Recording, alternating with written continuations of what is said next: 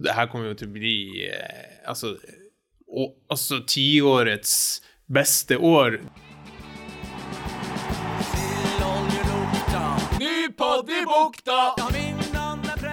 Hjertelig velkommen til Fort Alfheim. Og det er så deilig, så deilig, så deilig å være tilbake. Det er helt fantastisk. Og eh, det her er altså da Fort Alfheim, eh, den største konkurrenten til jo, Jono, Jonos Fjonol Kosmon Kosmos Kosmos Konst, Konstos fosmos. Eh, det, det, var det, kanskje det artigste jeg kommer til å si i denne sendinga. Eh, men eh, vi peiser på. William Fransen, deilig å ha deg med. Deilig å være tilbake. Deilig å se deg. Eh, deilig å se gjesten vi har i studio, som du skal få introdusere. Ja, det skal jeg med glede. For vi går rett på. Dagens gjest er en som har dømt mange frispark for meg. Uh, altså, jeg, jeg takla jo veldig lite sjøl, men jeg ble takla, så da fikk jeg frispark. En som sprang fortere, eller i hvert fall lenger enn meg på, på, alle kampene. Han er nå daglig leder i uh, Troms idrettslag, med bakgrunn i hotellbransjen, blant annet. Øyvind Alpnes, velkommen skal du være. Tusen takk. Og fantastisk å nå sitte i en losje på Sparebanken Nord-Norge-losjen på Alfheim og se ut på det grønne kunstgresset vårt. Ja. ja. Det er nydelig. Ja, det er faktisk Det gir meg Nå begynner vi å nærme oss 9. mai, tror jeg. Da er datoen. Da er det avspark. Eh, ikke her, da, men nede i, i, i Bodø. Men, men, likevel, da sparker vi i gang Eliteserien. Det her kommer jo til å bli eh, altså, og, altså tiårets beste år, der vi faktisk vi skal starte med 600 tilskuere, og så skal vi ende opp med 7000 på siste kamp. Og så, det ja. blir en sånn utvikling i det her året som jeg tror ingen har fått være med på før. Helt sant. Og det er jo fantastisk. Og det, når du sier beste, tiår, eh, beste i tiåret Det blir jo kommet til å bli publikumsrekord i det her tiåret. For det er jo det andre året i det her. Det, var, det er derfor jeg, jeg, tok ikke så mye høy der. Men. ja, men det ser vi jo alle så sykt frem til. Og vi skal snakke litt mer om publikum og, og seriestart og sånn eh, etter hvert.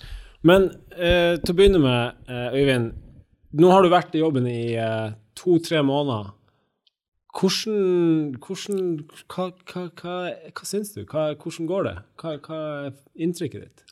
Uh, ja, man hadde jo selvfølgelig noen uh, tanker om hvordan det her kom til å bli før man uh, gikk inn i det, og, og um, de fleste har jo blitt tilfredsstilt. Man kommer til en sånn her rar form for økonomi der man hele tida lever litt på kanten økonomisk, men alle går og klapper det på skuldra og sier at det her kommer til å gå bra.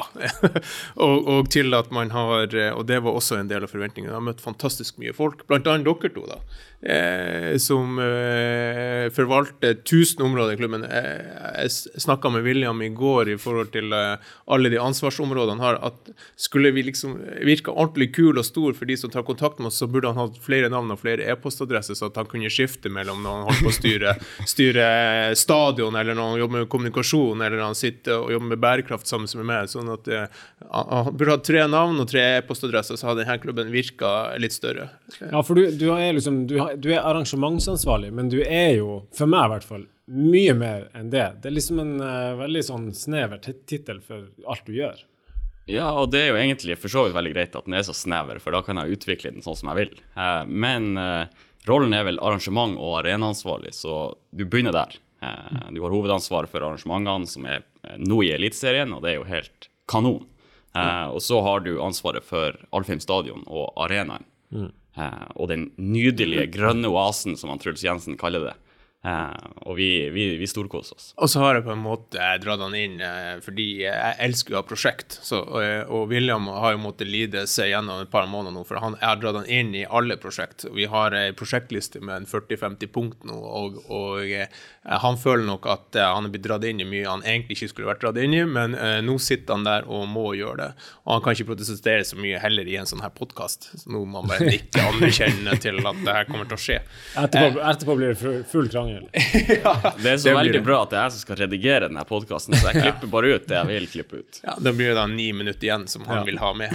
Eh, men på den andre sida, det var et godt eksempel på hvordan denne klubben er. Eh, og, og, og eh, William er et eksempel på flere personer, også det, men, men alle vi, vi, er relativt få folk til å være en profesjonell fotballklubb, men samtidig så opplever jeg at alle skikkelig blør for drakten. Og da snakker jeg ikke bare om spillerne, for de gjør òg det, men, men, også de som jobber i administrasjonen og har en ekstrem klubbfølelse og elsker TIL og at vi skal utvikle oss. Eh, og det har jeg oppdaga. Og det har vært, eh, ja, det har vært utrolig godt å bli kjent med det. Og, og igjen så skal jo jeg legge mine, litt mine tanker og ideer på toppen her, og så se om vi skal stake ut en ny kurs for klubben. Men, men uh, utrolig fine måneder så langt.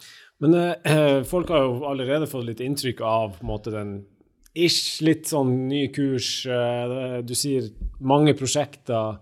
Eh, selvfølgelig det som har vært i media med litt bærekraft og Qatar. Og, eh, kan du si noe om om eh, den kursen og de prosjektene. Kan du si noe mer om det enn det vi vet? på en måte? Ja, det er klart at eh, altså jobben til en profesjonell fotballklubb eh, som TIL er jo å engasjere og, og sørge for at byens befolkning har et elitelag som de elsker og som det er gøy å følge med. og det engasjementet er, er, I 2021 så er det ikke bare på banen. Vi er også den, den, aktøren i Arktis som har størst engasjement rundt oss fra januar til desember. og Det medfører også et ansvar. Eh, og, og, Når du nevner bærekraft, så er det jo et av områdene vi har lyst til å ta tak i med, med TIL. Men å være en motor for at eh, det oppnås større fremgang på bærekraftsida i Arktis, definitivt et område vi kommer til å gå inn i. Og på den andre sida så ser vi også at eh, bedrifter som nå skal støtte støtter TIL, som vi har veldig mange av, og de er veldig lojale, men de stiller også flere spørsmål nå til at uh, hvordan uh, det her skal være et tosidig forhold, og at uh, der tidligere kanskje logoeksponering og, og, eh, den type markedsføring hadde høy verdi, så begynner de å stille mer eh, spørsmål i forhold til eh, hvordan historie de skal fortelle innad i sin egen bedrift. Og da ser vi at eh, bærekraft definitivt et område som de engasjerer, og som de engasjerer med sine ansatte. Tom sitt prosjekt med TIL for alle, et fantastisk prosjekt som kanskje, sånn som jeg ser det, er underkommunisert fra TIL, men som må løftes opp på et helt annet nivå. Og ut av det igjen så kommer jo Qatar-saken, som viser det her. Jeg føler den er et godt eksempel på, på, på, på, hvor TIL må engasjere seg. og det var jo en fantastisk sak. Vi var først ut i verden. Og, og, og en, det, jeg mener oppriktig at det har skapt en diskusjon i hele fotballverdenen nå som sist endte opp med, med, med Superliga, men som, som, gjør at man stiller flere spørsmål i, i forhold til eh, det etiske grunnlaget til, til, til fotballen, og eh, hvor er det vi henter pengene ifra. Mm. Eh, og eh, og igjen, det siste er jo at det skapte jo et engasjement i, i, egen by, og det gjorde jo igjen at gamle damer stopper oss på, på, på gata og, og, sier at hei, vi mm. elsker TIL. Eh, vi må engasjere på flere områder enn på banen. Det er vel det som er poenget. Men William, du, du har jo jobba her uh, veldig lenge og vært spiller også. Føler du at For vi, vi har jo Altså TIL som klubb har gjort veldig mye av de her tingene også før, og, og samfunnsprosjektet har vært ganske lenge allerede. Men er vi litt sånn redd for å kalle skryte av ting vi gjør. altså det han Øyvind sier, at vi underkommuniserer, at, at vi ikke tør helt å liksom fortelle. Har det vært litt sånn kultur? Det kan godt tenkes. Jeg har jo vært uh, i TIL siden, uh, siden, jeg var seks år, og det begynner å bli noen år siden. Men uh, vi ser kanskje at siden jeg kom inn på, som A-lagsspiller i 2011 og fram til i dag, så har vi gjort veldig mye. Vi har reist rundt i hele Nord-Norge. Vi har vært på klubbbesøk i egen by, vi har vært på skolebesøk. Vi har eh, gjort veldig mye. Eh, og det er alt fra A-lagsspillere og helt ned til, til yngres avdeling og de yngste i klubben. Um, men vi har kanskje ikke ja, jeg, liker, jeg, liker, ikke å kalle det skryt. Uh, jeg bruker å kalle det at vi dokumenterer det vi gjør. og egentlig bare, bare fortelle at nå har vi gjort noe som bidrar til noe større. og det er denne klubben i stand til å gjøre. og Vi, vi, vi bidrar så bredt at, at kanskje hvis vi forteller det mer, så får vi enda flere med på laget, og, og vi kan eh, skape enda større forskjell eh, og gjøre Tromsø-samfunnet enda bedre. Så jeg er helt enig i at eh, kanskje må vi fortelle det enda mer, også gjennom oss sjøl. Og nå kommer jo jeg fra Petter Stordalen-verden, og alle vet hvordan han kommuniserer. Kan oppleves som skryt, men den, I den verden så, så, så, snakker vi vel ganske ofte om at det er lov å ri de to hestene samtidig. Én det å faktisk gjøre noe godt for verden, og to å, å fortelle, verden, eh, fortelle, verden, om at det her gjør vi. Eh, fordi det ene det åpenbart så leder det til bedre tanker om, om, organisasjonen eh, som står bak der, men også det at, som William sier, det engasjerer flere til å hive seg på samme bølgen. Og det opplevde vi definitivt med Qatar. At det, mm. det skapte mye godt for klubben, men definitivt den kommunikasjonen vi hadde rundt den, skapte også at flere engasjerte seg i saken, heiv seg på, og har nå skapt et press på Fifa og eh, myndighetene i Qatar som jeg tror de skulle ønske ikke var der. ja. Du kan du si noe om hvor, hvor står saken akkurat nå, eh, den 22. april?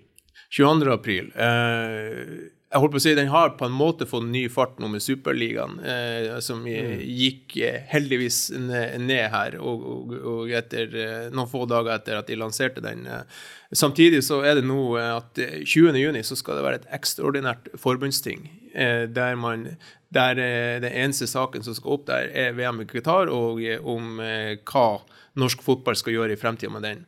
I fasen før det så er det satt ned et utvalg eh, av Fotballforbundet, relativt bredt sammensatt med folk som nok er både på eh, tilhenger- og motstandersida i, forhold til boikott. Eh, og der har jo vi eh, vår egen mann eh, Tom Høgli i det utvalget, som sitter og diskuterer de ulike problemstillingene rundt VM i Qatar, og mest sannsynlig skal komme med ei innstilling til eh, styret i Fotballforbundet, og de skal da ta den, ta den, inn til forbundstinget, som skal votere over et eller annet som vi ikke helt vet hva enda er. Det kan handle om boikott eller ikke, det kan handle om de ulike tiltakene som man kanskje skal gjøre i fremtida, om man eh, ser at man ikke får gjort så mye med VM i Qatar. Så det blir veldig spennende.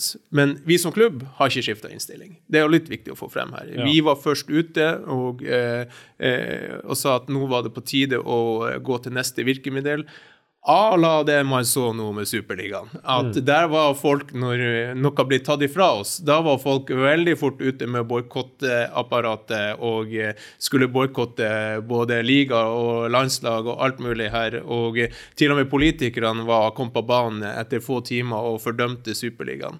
Eh, og, og for, for, meg så har de her to sakene eh, altså de, Det er samme sak i min, mitt mm. hode. Det handler om eh, måten fotballen er finansiert på, og hvor, de snarveiene vi tar for å oppnå suksess. Og, og eh, bare at påfallende forskjellene mot Qatar, der dør det folk også i prosessen.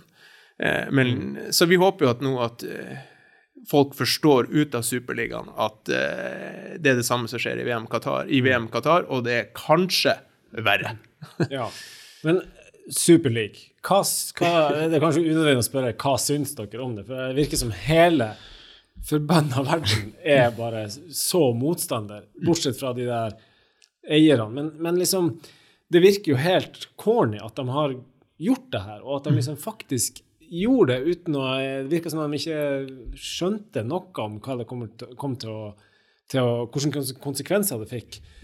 Men det må jo ha vært noe altså de er, er, de bare dumme, eller er det noe vi liksom på en måte ikke helt skjønner med konseptet? Jeg vet, jeg vet ikke, men det virker som at implementeringsprosessen har de ikke tenkt så mye på. Uh, til tross for et kommunikasjonsbyrå som fikk heftig betalt for å hjelpe dem gjennom den. Selvfølgelig. Uh, men Eh, så skal vi ikke heller eh, liksom se bort ifra at de kommer fra en annen kultur enn det vi gjør. Eh, USA har en helt annen tankegang rundt eh, kommersielle produkter enn det vi har. Eh, og at eh, der, der, går det ut på å tjene mest mulig penger og skape, skape show.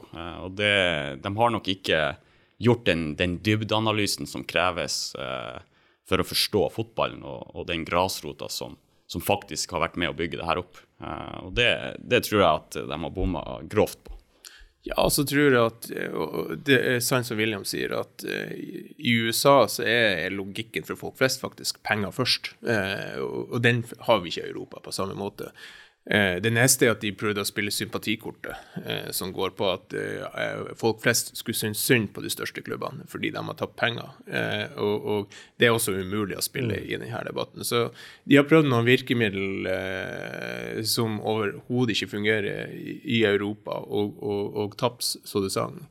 Eh, men samtidig så ser vi også ut av det her, ut av Superligaen, eh, som nå eh, heldigvis er lagt helt bort, selv om noen tenker at de skal komme tilbake med et eller annet. Igjen der, så kom det jo ut av det her, så kom det jo en ny Champions League, mm. eh, og, og, som Uefa står bak, som igjen, eh, i mitt hode, vekker veldig mange spørsmål, fordi det er noen som har sagt det her, at det er påfallende at noen har klart, eh, og da tenker jeg på superligafolkene, å få Fifa og Uefa til å fremstå som mor Teresa. Og da har man jobba eh, godt, for å si det mm. sånn.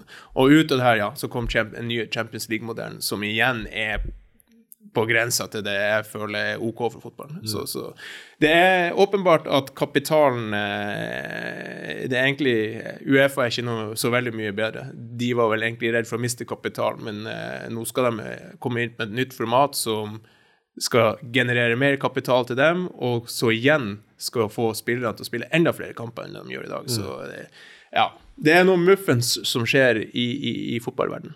Men eh, det, dere snakker om kultur, og, og, altså i USA så er det liksom Det er de klubbene som er med, liksom, og det er ikke opprykk og nedrykk. Og, og, du har også Jeg ser jo på den her eh, Formel 1-serien, Drive to Survive. Der er det også Det er liksom de, det er de ti, ti lagene som er der. Eh, og det funker Altså, konseptet er jo worldwide, dritpopulært, og også i Norge så er det jo mange som følger de amerikanske sportene og Formel 1. Og er det Men så er det liksom bare det at det ikke funker i fotball, eller kunne det funke? Altså Hvis man prøver å åpne bitte litt opp, og jeg mener ikke at jeg mener at det er bra, men jeg bare spør. Jeg tror, altså, Forstå meg riktig, det hadde funka i fotball nå, eh, men, men eh, jeg tror det at som alle elsker med fotballen i Europa, det er konkurranseelementet, og det er at du skal eh, spille Du skal vinne ligaen din, eller i noen av nasjonene være 1, 2, 3, 4 for å få lov å delta i Champions League. Eh, du skal ikke eh, kunne ende opp på tiendeplass i din egen lokale liga og så fremdeles være kvalifisert for Champions League, sånn som Superligaen tok formatet mm. på. Og det tror jeg det er der folk reagerer på, at det her rettferdighetsdelen mm. står ganske sterkt og spesielt i Europa.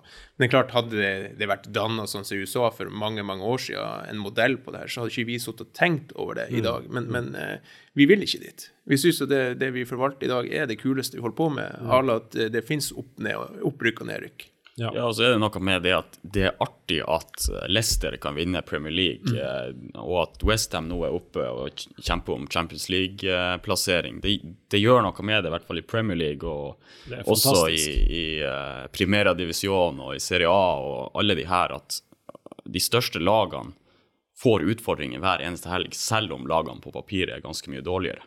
Mm. Um, men så er fotballen blitt så kompleks og så gjennomanalysert at alle kan slå alle. Og så tror jeg det er et viktig element i denne saken. Det er at det skinner godt gjennom, og det er vel uttrykt veldig klart, at motivasjon er penger. Og det selv er dårlig. At hvis motivasjonen for å endre på fotballen er ikke fra å gjøre det til en bedre sport og gjøre det kulere for oss, men faktisk å tjene mer penger, mm. da har du en dårlig sak i, i, i vår del av verden. Mm. Det må i så fall være et sykt bra konsept som appellerer til fansen og til mm. grasrota også. Eh, men vi sitter jo her som eh, eh, langt unna de beste lagene i Europa, og vi sitter jo her oppe i Arktis. Ja, vi er verdens beste lag i Arktis. Ja, det må vi være. verdens beste lag i Arktis. Ja. ja. Og vi er verdens nordligste profesjonelle fotballklubb. Og det er noe du, Øyvind, har, har lyst til å liksom fronte veldig. Kan du si litt mer om det? Ja, det er ikke noe som vi holdt på å si, trenger å lyve om. Vi er, en, vi er verdens nordligste profesjonelle fotballklubb. Eh, og vi har nå tatt fram noen bilder, eh, bl.a. av Yngve Olsen, som viser den grønne Alfheim-matta med to meter snø rundt, og eh, nærheten til sentrum og de fantastiske fjellene rundt oss. Og det er litt det bildet som gjør at eh, verden der ute faktisk syns at Tromsø-fotballen er litt eksotisk. At vi faktisk får til å ha et elitelag eh, her oppe som på globusen ser ut som eh, på Nordpolen. Mm. Det er jækla kult. og Det er derfor jeg sier at vi er ikke bare verdens nordligste profesjonelle fotballag, fotballag, men vi er også verdens beste til å forvalte det i, i, i det å være et lite lag i, i her, denne delen av verden. Med alle de utfordringene vi har, fra snøen til Ja, holdt på å si, la oss si snøen. det er nok. snøen, midnattssola, temperatur. Ja, ja, ja. Altså, så, så, vi er utrolig dyktige på å forvalte det og, og, og drive frem gode fotballspillere til tross for de her tingene. Jeg kom på en idé nå, at vi oppretter eh, Arctic Super League. Ja. For da blir vi kanskje ja. det beste laget. Da må vi kanskje ha snø på banen det er litt av vår skri. jo, men det er det vi har begynt med. Det begynner ja. å nærme seg vår, så vi, vi tar snøen tilbake på banen. Ja, men tilbake til poenget her, det er at eh, vi, vi, vi, har, vi må ikke glemme hvor eksotisk vi er faktisk for folk som sitter ute i den store verden. Og det er veldig eksotisk at eh, vi spiller fotball her oppe, og det er litt kult. Så selv om vi kanskje ikke vinner Champions League, så kan vi være en klubb som er utrolig attraktiv for andre å faktisk følge og komme til byen og se. Eh, og kanskje som en del av det å komme når hele verden vil hit og se nordlyset, så er det like kult å mm. faktisk få lite, en liten suvenireffekt på at man også har sett verdens nordligste profesjonelle fotballag. Mm. Så, så, vi har, vi, har eh, vi, må, vi, må, kommunisere, vi må ta på oss en større drakt, og, og eh, i lys av Qatar-saken så fletter vi av og til inn det her, at vi er verdens nordligste profesjonelle mm. fotballklubb. Og det ga det bare enda større tyngde. At ja. en dimensjon for media ute i verden som ville skrive om oss som ikke er tapt. Vi mm. kan seile videre på den eh, bølgen her nå fremover med klubben vår. Og vi opplever jo mye, William, på sosiale medier interesse fra mye Italia, mye nede i Sør-Amerika. Det er overalt i hele verden. Og i shoppen også, som du styrer mer enn meg, i hvert fall. Har det tatt seg opp etter Qatar-greia? Ja, altså Det man kan si, er jo at vi sånn historisk sett har vært eh, attraktive ute i Europa. Vi har vært med og gjort noen eh, store resultater i europeiske eh, turneringer. Eh, og egentlig siden Det var vel en historie fra 2005 der vi fikk så sinnssykt mange bestillinger fra Tyrkia mm. Eh, når vi slo Galatasaray. Mm. Eh, men da hadde vi ikke mulighet til å sende drakta ut oh, ja. dit. Eh, fordi at vi hadde ikke en logistikk på det. Eh, men i dag er vi så heldige at vi har det gjennom eh, vår gode samarbeidspartner MyStore. Og det gjør jo at det blir mye enklere. Og nå etter denne Qatar-casen så har egentlig shoppen eksplodert i forhold til hva vi bruker å selge til utlandet. Så jeg har jo sendt pakker langt ned i Asia, ned til Amerika og Brasil og you name it. Altså, mm. Eh, det sier noe. Her For et par dager siden så fikk jeg fire ordrer som skulle sendes til New York. Eh, det har jeg liksom aldri, aldri gjort før. Eh, og det sier noe at vi har, vi har truffet en, en, nerve der ute. Da. og ja, jeg tror klubben har et stort potensial der ute. Og ikke minst når du ser de bildene av Alfheim, mm. men også byen vår. Altså mm. byen vår som er ei øy med fjell rundt som er så spektakulære at uh, det er som Alpene, bare i miniformat, og sjø rundt. Mm. Det, det, er så unikt at vi kan, vi kan, skape underverker her hvis vi bare samarbeider og gjør de riktige tingene. Mm. Ja, nei, helt klart. Og jeg tror også at det som uh, gjør det her ekstra sterkt for folk i Tromsø Fordi vi er alle bygd sånn, i alle byer, holdt på å si, det er at når noen utenfor bryr seg veldig om noe som eh, gjøres i, hjemme her i byen, så får man en ekstra sterk følelse for det. Og det samme er nå med, med at folk i byen òg har faktisk begynt å få et større engasjement for TIL, bare nå i, i vintermånedene, mm. fordi eh, verden ellers har begynt å bry seg om det som vi har holdt på med mm. i TIL. Eh, og, og, det gjør det litt kult igjen for oss og de nærmeste fansene mm. våre, eh, at, at, eh, folk flest der ute bryr seg om oss. Men når vi snakker om det med at vi er verdens nordligste, det er spektakulær eh, natur her, det, været er jo Det har jo 100 årstider her oppe. eh, og så er det jo planer om kanskje å bygge en storhall, kanskje flytte fra Alfheim. Når vi tenker på det, fordi det er mange som mener at vi, vi, burde, vi burde, gå inn i en hall, for da kan vi trene og spille hele året. Men vi, så er det mange som mener at vi ikke burde gå inn i en hall fordi det her med været og at det kan snø, og liksom at det er liksom en del av oss.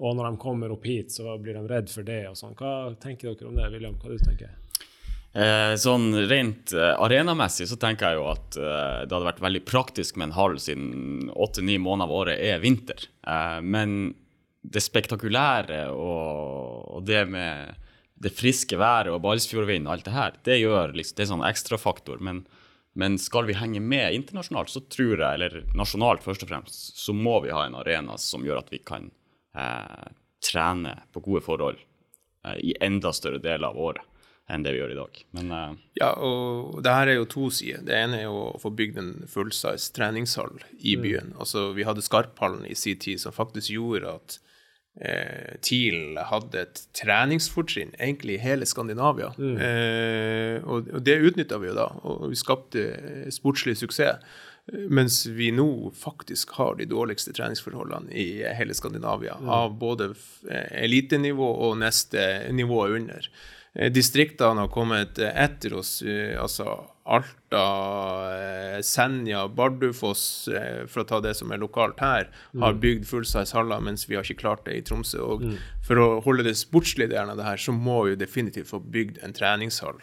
Og så handler det her om igjen nye TIL Arena, som er en annen sak. Og, og den ligger nok litt frem i tid, men mm, det handler Ja, kanskje tar du litt Det blir ikke mulig å skape de samme eksotiske bildene, selv om jeg tror en, en nydelig fullsize arena innendørs eh, kan bygges på en sånn måte at det får et arktisk preg. Eh, men så handler det litt om at én, det sportslige, eh, å kunne lage gode forhold gjennom hele sesongen. Og to, det er at vi ser at publikum eh, i 2021 og tida som kommer, agerer litt annerledes enn de gjorde før. De vil én, vi må ha lettere kommunikasjon til stadion eh, for å komme seg til den. Og to, det er at eh, man skal ha det litt mer bekvemt. Mm. fordi eh, konkurrenten vår nå, det er TV. Og da har man det alltid veldig bekvemt når man ser på den. Sånn at eh, det, stilles andre krav til en eh, moderne elitearena nå, og, og jeg tror at vi har egentlig ikke noe alternativ annet enn å eh, innse at Alfheim er kanskje byens indrefilet når det kommer til å bygge boliger.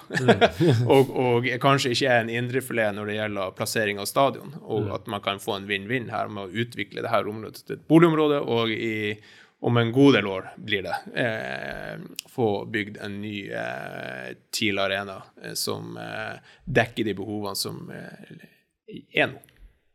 Jeg, har, jeg har så lyst til at om 10-15 år sant, så er liksom hologram eh, tek Teknologien blir så bra at vi får til å ha liksom hologram inne på den Mm. nye arenaen, sånn at været som er ute, gjenspeiles inne med det Ja, ja, hologrammet. ja, ja. Og bak publikum så er det liksom eh, bare sånn vi, Altså det er video-TV liksom Mm. rundt hele, og der også speiler du naturen, så du ser fjellene bak og Men tenk utendørs òg, så der er jo det jo allerede i forhold til hvordan man belyser nye stadionanlegg. Dra ned til Bayern og se på stadion der. og sånn. Altså Man kan gjøre, gjøre denne hallen spektakulær i Arktis fremdeles, selv om den er innendørs, gjennom å belyse den og gjøre den til et lite midtpunkt i byen her. Ja.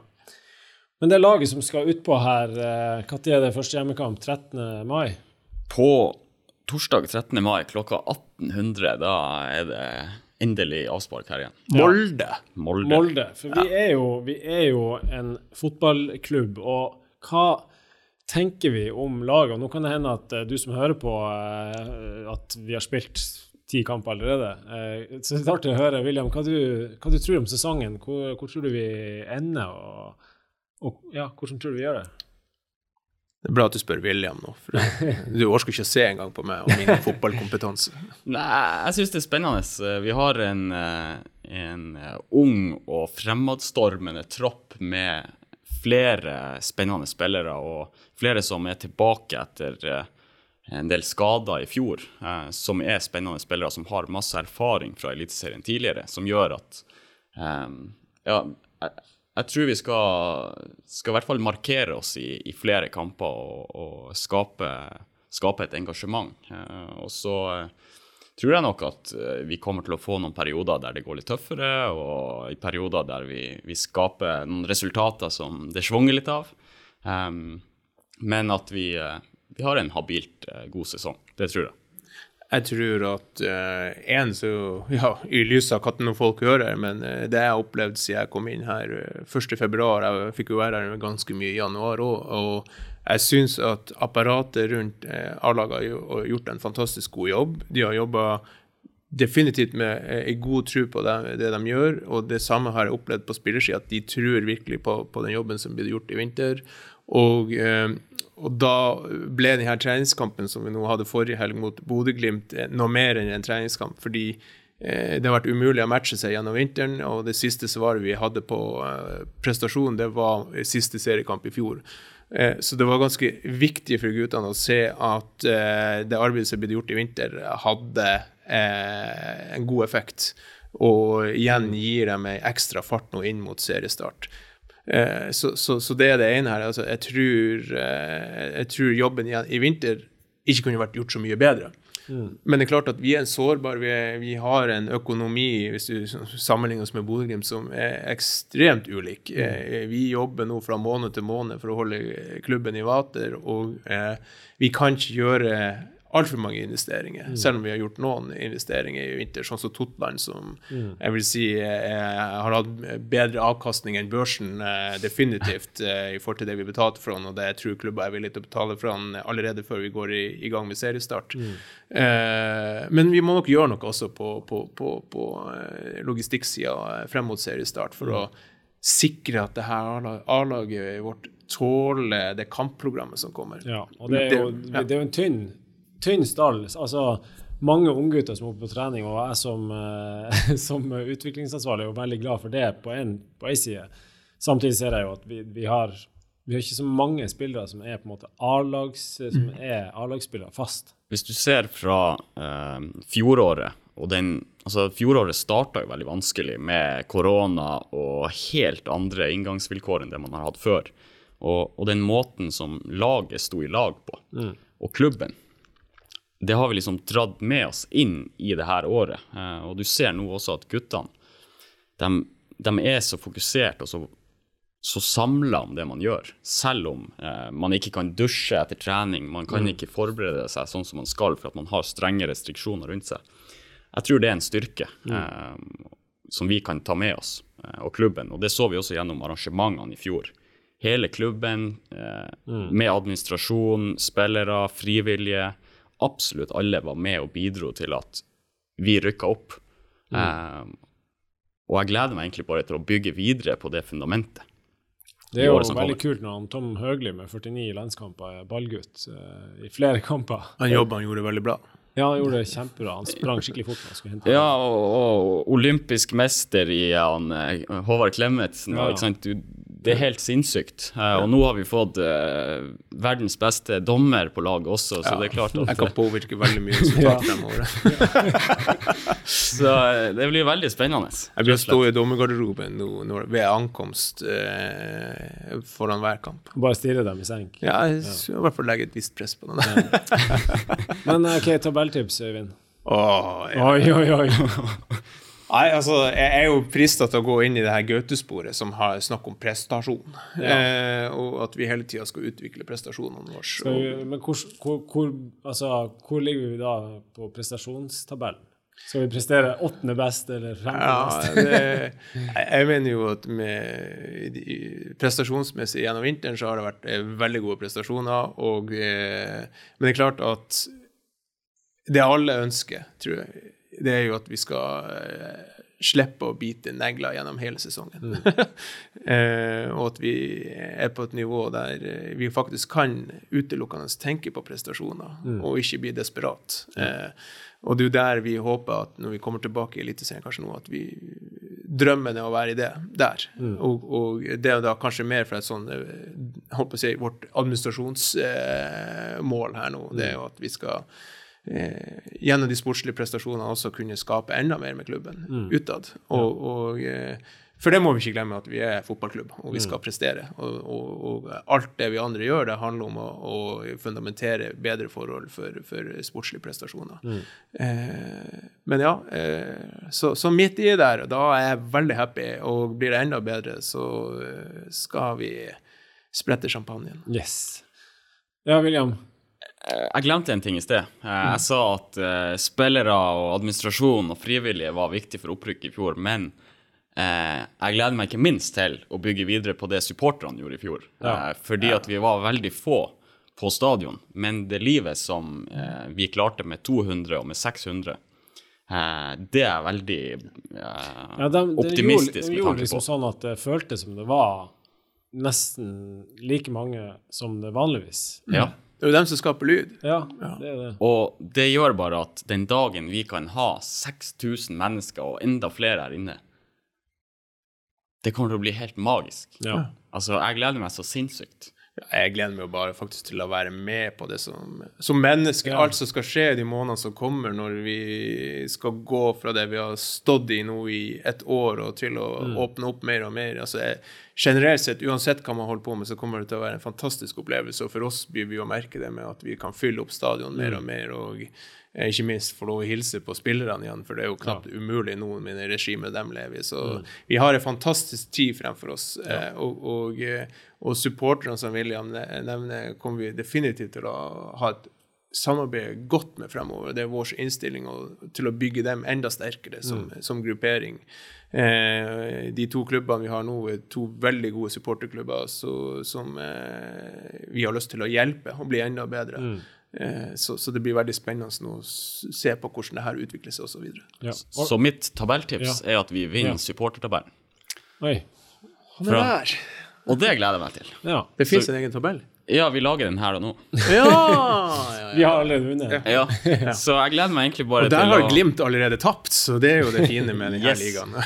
Så det gleder jeg meg til å vinne. ja. Og, så Ja. det var mitt uh, Ja, det er helt fint, det. Vi, vi skal ta noen spørsmål fra um, sosiale medier. Det har kommet inn flere spørsmål her. Uh, og eh, ja første spørsmålet det handler om, det handler om deg som dommer, Øyvind. ja. Det er han eh, Andreas Seipajärvi eh, som, eh, som eh, Hallo, Andreas. Hallo, Andreas. Og takk for sist. Takk for sist, ja. Spør, spør han Øyvind om blipptest, og hvorfor han alltid lar lista så inn åt helvete høyt for oss vanlige dødelige. Ja, det, jeg får jo si at jeg, jeg elsker jo fotball. Jeg spilte fotball hver dag når jeg var liten og ungdom, og eh, det ble relativt klart etter en viss tid at jeg var best uten ball. Eh, så jeg valgte å gjøre som Nils Arne Eggen sier, og med godfotteorien. Jeg utvikla det fysiske og, Ja. og ble enda bedre uten ball. Og, og, og bare for å si det, en blipptest er jo da en test hvor du fysisk tester test, ja, ja. altså O2-opptak. Ja, ja. ja. Så, så det var min sterke side her. Eh, Det var ikke så mange andre sterke sider. Og eh, jeg utvikla det videre, og jeg- trente veldig mye. Mm. Og, og eh, derfor så var det også litt irriterende for fotballspillere. fordi jeg, jeg, har alltid vært opptatt når jeg skulle satse på det, å bli dommer, å være i lag med, med, med fotballagene og A-lag og trene i lag med dem og, og dømme kampene og, og liksom være nært miljøet. Og, og eh, så når det kom til blipptest, så, eh, så brukte jeg å vinne de blipptestene, og det kunne jo være litt irriterende for de her spillerne at dommeren eh, vant eh, den fysiske testen. Men eh, ja, for meg var det kanskje fordi jeg forvalta det eneste talentet jeg hadde ganske bra. Men, men eh, bare for å henge litt tak i dommeren Øyvind Alpnes. eh, jeg, jeg, mener å huske at du også hadde det du var også god på, var at du hadde ofte en god tone med spillerne. Eh, fordi jeg har jo eh, opplevd mange dommere som bare som er, oppleves veldig sånn arrogant og vil ikke høre på og bare mm, hold kjeft, nesten. og sånn. Men du, var, du, var det veldig bevisst, eller er du mer sånn som du er som person? Jeg, jeg tror det var begge deler. Uh, en er er jo ikke jeg, jeg vil si eh, En av fordelene mine var at jeg utgangspunktet er litt sjenert, mm. men likevel kun, har en egenskap jeg kan ta på meg litt sånn ekstroverte sider når det passer seg. Men, men det passer bra ut på banen der, fordi eh, jeg er ikke så Jeg er ganske rolig til sinns, som gjør at eh, jeg lar meg ikke sånn provosere eller eh, gå i klikk når, når eh, noen ting skjer, som gjorde meg i stand til å faktisk telle til tre og så likevel ha en god dialog med noen, selv om eh, jeg noen gang kunne ha, følte annerledes. og sikkert spillerne også, som definitivt følte annerledes etter enkelte situasjoner ute på banen. Og, eh, så det var litt bevisst, og så ligger det nok litt i min natur også at eh, jeg, jeg svinger ikke så veldig mye i det mentale bildet mellom high lows og high highs and low lows. Um, og da kan vi ta, når vi er inne på dommer, eh, så tar vi et annet spørsmål fra han Pål Moddi Knutsen. Hallo, Pål. Kan du love at VAR aldri, aldri, aldri kommer til Alfheim? Eh, om jeg kan få bestemme, eh, så tror jeg vi det er veldig mange av oss som er glad i fotball, som ser at VAR ødelegger mye. Intensjonen med VAR var jo motsatt. Det har jo å sikre at eh, kampene ble avgjort i stor grad på, på riktig måte. Eh, og så har man i min, min verden utvikla VAR litt feil vei, og jeg vil si også at mye av de dårlige VAR-prestasjonene kommer fra England, eh, som har forvalta VAR på en helt håpløs måte. Og det er jo det vi ser mest på. Eh, og jeg syns også i noen tilfeller så har VAR blitt eh, behandla bra. Og så må man huske at VAR også er noe som er relativt ferskt i fotballen. Det må utvikles, skal det bli bedre. Men i min verden så var jeg ikke tilhenger av VAR når det kom, og jeg syns ikke heller nå at det er det er blitt så viktig som, som man skulle ønske det kunne bli. Og, og, eh, men når det kommer til Alfheim, så er det jo ligaen som bestemmer. Eh, og, og eh, det ligaen bestemmer, er jo det som blir å skje. Så det, det blir jo ikke sånn at VAR blir å være på Lerkendal og Åråsen og ikke på Alfheim. Da blir det på alle stadion hvis det skulle komme. Men det er klart at nå har nok presset på VAR altså dis- VAR-diskusjonen har nok begynt å bikke veldig mot at man ikke vil ha VAR. Eh, og det kommer jo fra eh, sånne aktører som oss, men aller viktigst kanskje i fotballdebatten de største eh, trenerne, managerne mm. rundt omkring i verden som begynner å sier at det ødelegger mye mer. Og det ødelegger litt av lidenskapen. Eh, Ja, det, det, det syns jeg er verst. Det, for jeg var egentlig liksom tilhenger av VAR, og jeg tenkte også da at det, det kommer til å utvikle seg til å bli så bra etter hvert at det blir at vi ser verdien av det. Men det som er kjipt, er jo når det skåres et mål, og så kan du nesten ikke juble. Eller sånn, det, du kan jo juble, men du vet liksom at ja, men vi må uansett vente på sikkert et eller annet var. Det kan ha vært en hands, det kan ha vært noe som skjedde for ett minutt siden. Og offside, selvfølgelig. Mm. Det er sånn, Offside. Altså du Ja. ikke engang klarer å se på et videobilde at det er Ja, ja. offside. Du må inn med annen teknologi. Det er klart at da tar du bort folks forståelse for det. her. Mm. Ja. Ja. Nei, så jeg er blitt eh, mindre tilhenger eh, etter hvert, på grunn av jublegreia spesielt. OK, vi tar uh, nytt spørsmål. Det er lagt merke til Det her er han Arne Jonny Johnsen. Arne Jonny, legende. Det er lagt merke til at Øyvind ikke er redd for å interagere med supportere på SoMe, sosiale medier, allerede, både på spøk og alvor. Hvor viktig anser du det sjøl å ha denne type åpen kommunikasjon? Og hvor mye kan man regne med å få svar hvis man får kontakt? Jeg tror i lys av mye av det andre vi har snakka om, hvor vi har lyst til å ta klubben, så handler ekstremt mye av det om kommunikasjon. Eh, og, og, og eh, derav være tilgjengelig. Eh, eh, og det er noe jeg personlig har lyst til å være. Og synes, og så og så tror jeg det er liksom viktig når man liksom kommer inn å, han har en strategi om å kommunisere i sosiale medier. Jeg tror at det mest underliggende til at folk gjør noe som oppleves sånn, er at jeg syns det er gøy. jeg syns det er gøy å kommunisere med folk der ute, og, og eh, ikke minst føle på det enorme engasjementet som ligger rundt TIL. Eh, vi må ikke glemme at engasjement i 2021 er annerledes enn det var på 90-tallet, når man målte det i antall folk som kom på Alfheim.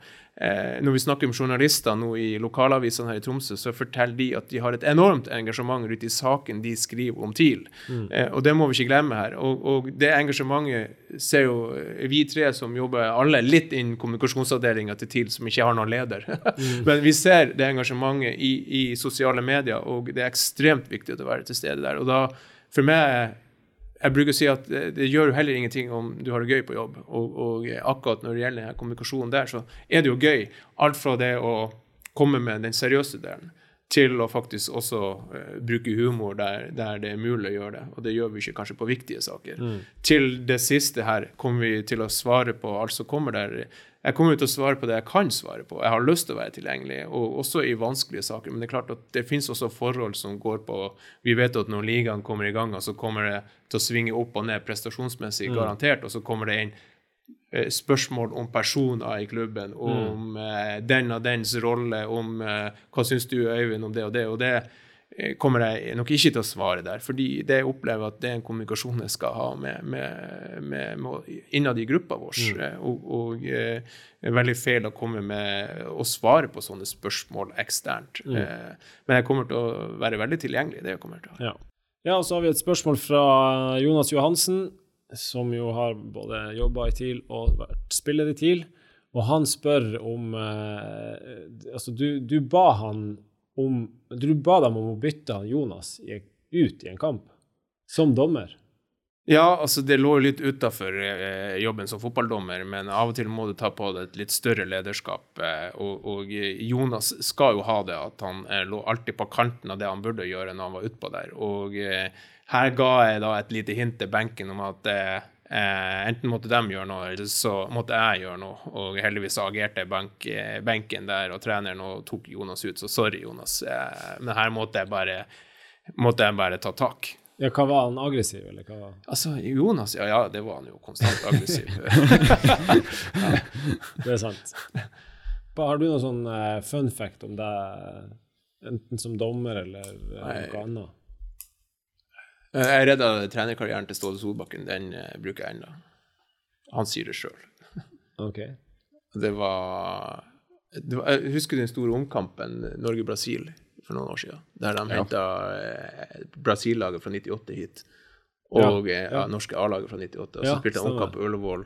Og da var jeg fjerdedommer. Ja. Eh, og, og, så var det etterpåfest på tak på Sten og Strøm, og der Brasil og Norge var. Mm. Og så sto uh, Ståle der med Nils Johan Semba og masse av de guttene, og så ropte han Øyvind, kom hit! Og så sa ja, ja, ja, ja. Så sa du redda trenerkarrieren min! Nei. Og så sa jeg bare hvordan har jeg ja. Alta HamKam! og det var det eh, siste serierunde i, i førstedivisjon. Eh, og eh, det var La Deco-ligaen, da. Og eh, jeg dømmer feilaktig straffespark til HamKam, som gjør at de rykker opp. Så jeg dømmer hands på en Arte-spiller, det var ikke hands. De vinner 1-0. Sandefjord med Tom Nordli rykker ikke opp. Han er jo kokforbanna for det jeg har gjort det her. Ja. Og eh, det satt jo hele det var Fra der Ståle gjorde den store klatringa si. så hadde ikke jeg dømt feilaktig straffe, så hadde ikke Ståle Solbakken vært landslagssjef i dag. oi, oi, oi. det er jo en fantastisk historie. Eh, og så er det han eh, Henning Kvål eh, som spør har han Øyvind noen planer og ideer for å gjøre det mer attraktivt å dra på Alfheim igjen? Og øke tilskuertallene når det åpnes opp for full stadion? Det siste. Ja, vi, jeg ser bare bort på William, som er kanskje den som kunne fått det spørsmålet, mm. men vi kommer jo til å åpne portene eh, med en gang vi får lov. Her har jo lyst til å fylle Alfheim, og vi kommer nok til å jobbe med strategier for å fylle det enda mer. Men vi må ikke glemme at eh, vi kommer nok aldri til å komme ut med sånn kommunikasjon igjen i TIL som der, der, vi prøver å spille på folks samvittighet for å komme på, på, og se på Alfheim. Vi kommer til å, Det handler om å faktisk å ha det utrolig gøy når du er på fotballkamp. og har du det, og, og 99 av å ha det gøy når du går på fotballkamp, handler jo om at du liker det du ser ut på banen. Mm. Eh, så vi må ikke glemme hva er det som gjør at folk kommer på kamp mm. i 2021 der konkurrenten er TV, eh, mm. og de vanvittig mange TV-tilbudene som finnes på fotballsida, det er jo konkurrenten vår. Vi blir så eksponert for fotball.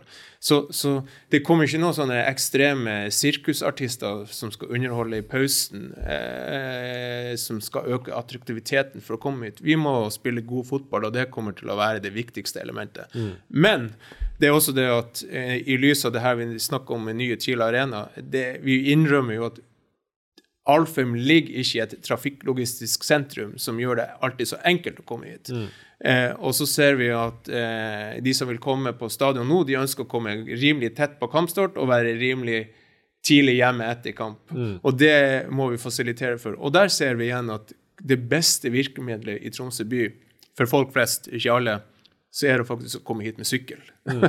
og det skal vi gjøre noe med til, til, til, eh, til vi åpner. Vi skal eh, få eh, veldig mange flere sykkelparkeringer, mm. og vi skal ha vakthold rundt disse. Og det gjør jo faktisk at én eh, Bærekraft det får vi sjekk på, mm. men aller viktigst det er at vi gjør det enklere å komme på Alfheim. Men vi, kommer, vi, kan ikke gjøre så mye mer annet enn å spille attraktiv fotball for å gjøre at folk flest syns at har lyst til å gå på Alfheim. Mm. Det er nok det, det viktigste elementet. Ja. Jeg sitter og, eh, bare for å legge til litt, jeg sitter og ser på et bilde fra eh, Jeg lurer på om det er 2012. Men han Sigurd Rushfeldt, når han skårer mål nummer 170 Et eller annet. et eller annet. Og vi spiller mot Brann, mener jeg, den kampen. Og jeg var så heldig å være på tribunen. Og de øyeblikkene Hvis du skal oppleve dem, så må du være på stadion. Det er ikke det samme å sitte og se det i stua hjemme. Eh, selv om tilbudet er der, eh, så må du komme på stadion. Og den følelsen der, eh, den kan aldri TV ta fra stadionopplevelsen. Og så er det jo faktisk, i lys av den diskusjonen som har vært de siste dagene om Superliga, så er det også skapt nærmest en internasjonal, europeisk bølge nå som handler om at flere og flere ønsker å støtte mer opp og rundt sin lokale klubb. Og, og i dette tilfellet at det er mange supportere som faktisk eh, ser at ok, TIL er faktisk den klubben vi skal støtte. Det, er en klubb som jobber nå med de riktige etikken og virkemidlene, og det er vår klubb.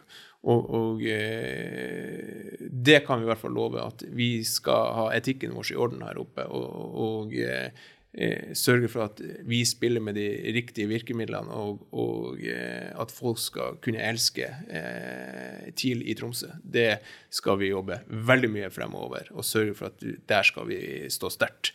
Så vi håper jo igjen at eh, folk der ute faktisk eh, tenker på klubben min, og det kan være TIL, men det skal også være Fløya og Tuel i, i disse tilfellene, at man tar vare på sin lokale klubb.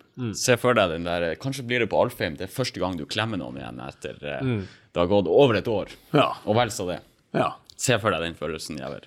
Jeg ser den så sykt for meg, og jubler for ei skåring og klemmer fire stykker rundt meg. Som du ikke kjenner. Ja, Ja. som jeg ikke kjenner, ja. Eh, det er en fantastisk eh, følelse. Så jeg tror at vi eh, Til slutt så sitter du alene her på Alfheim. ja, ja, Shit, sitt la med Morten Jæver. Uh. Håper vi ikke vinner.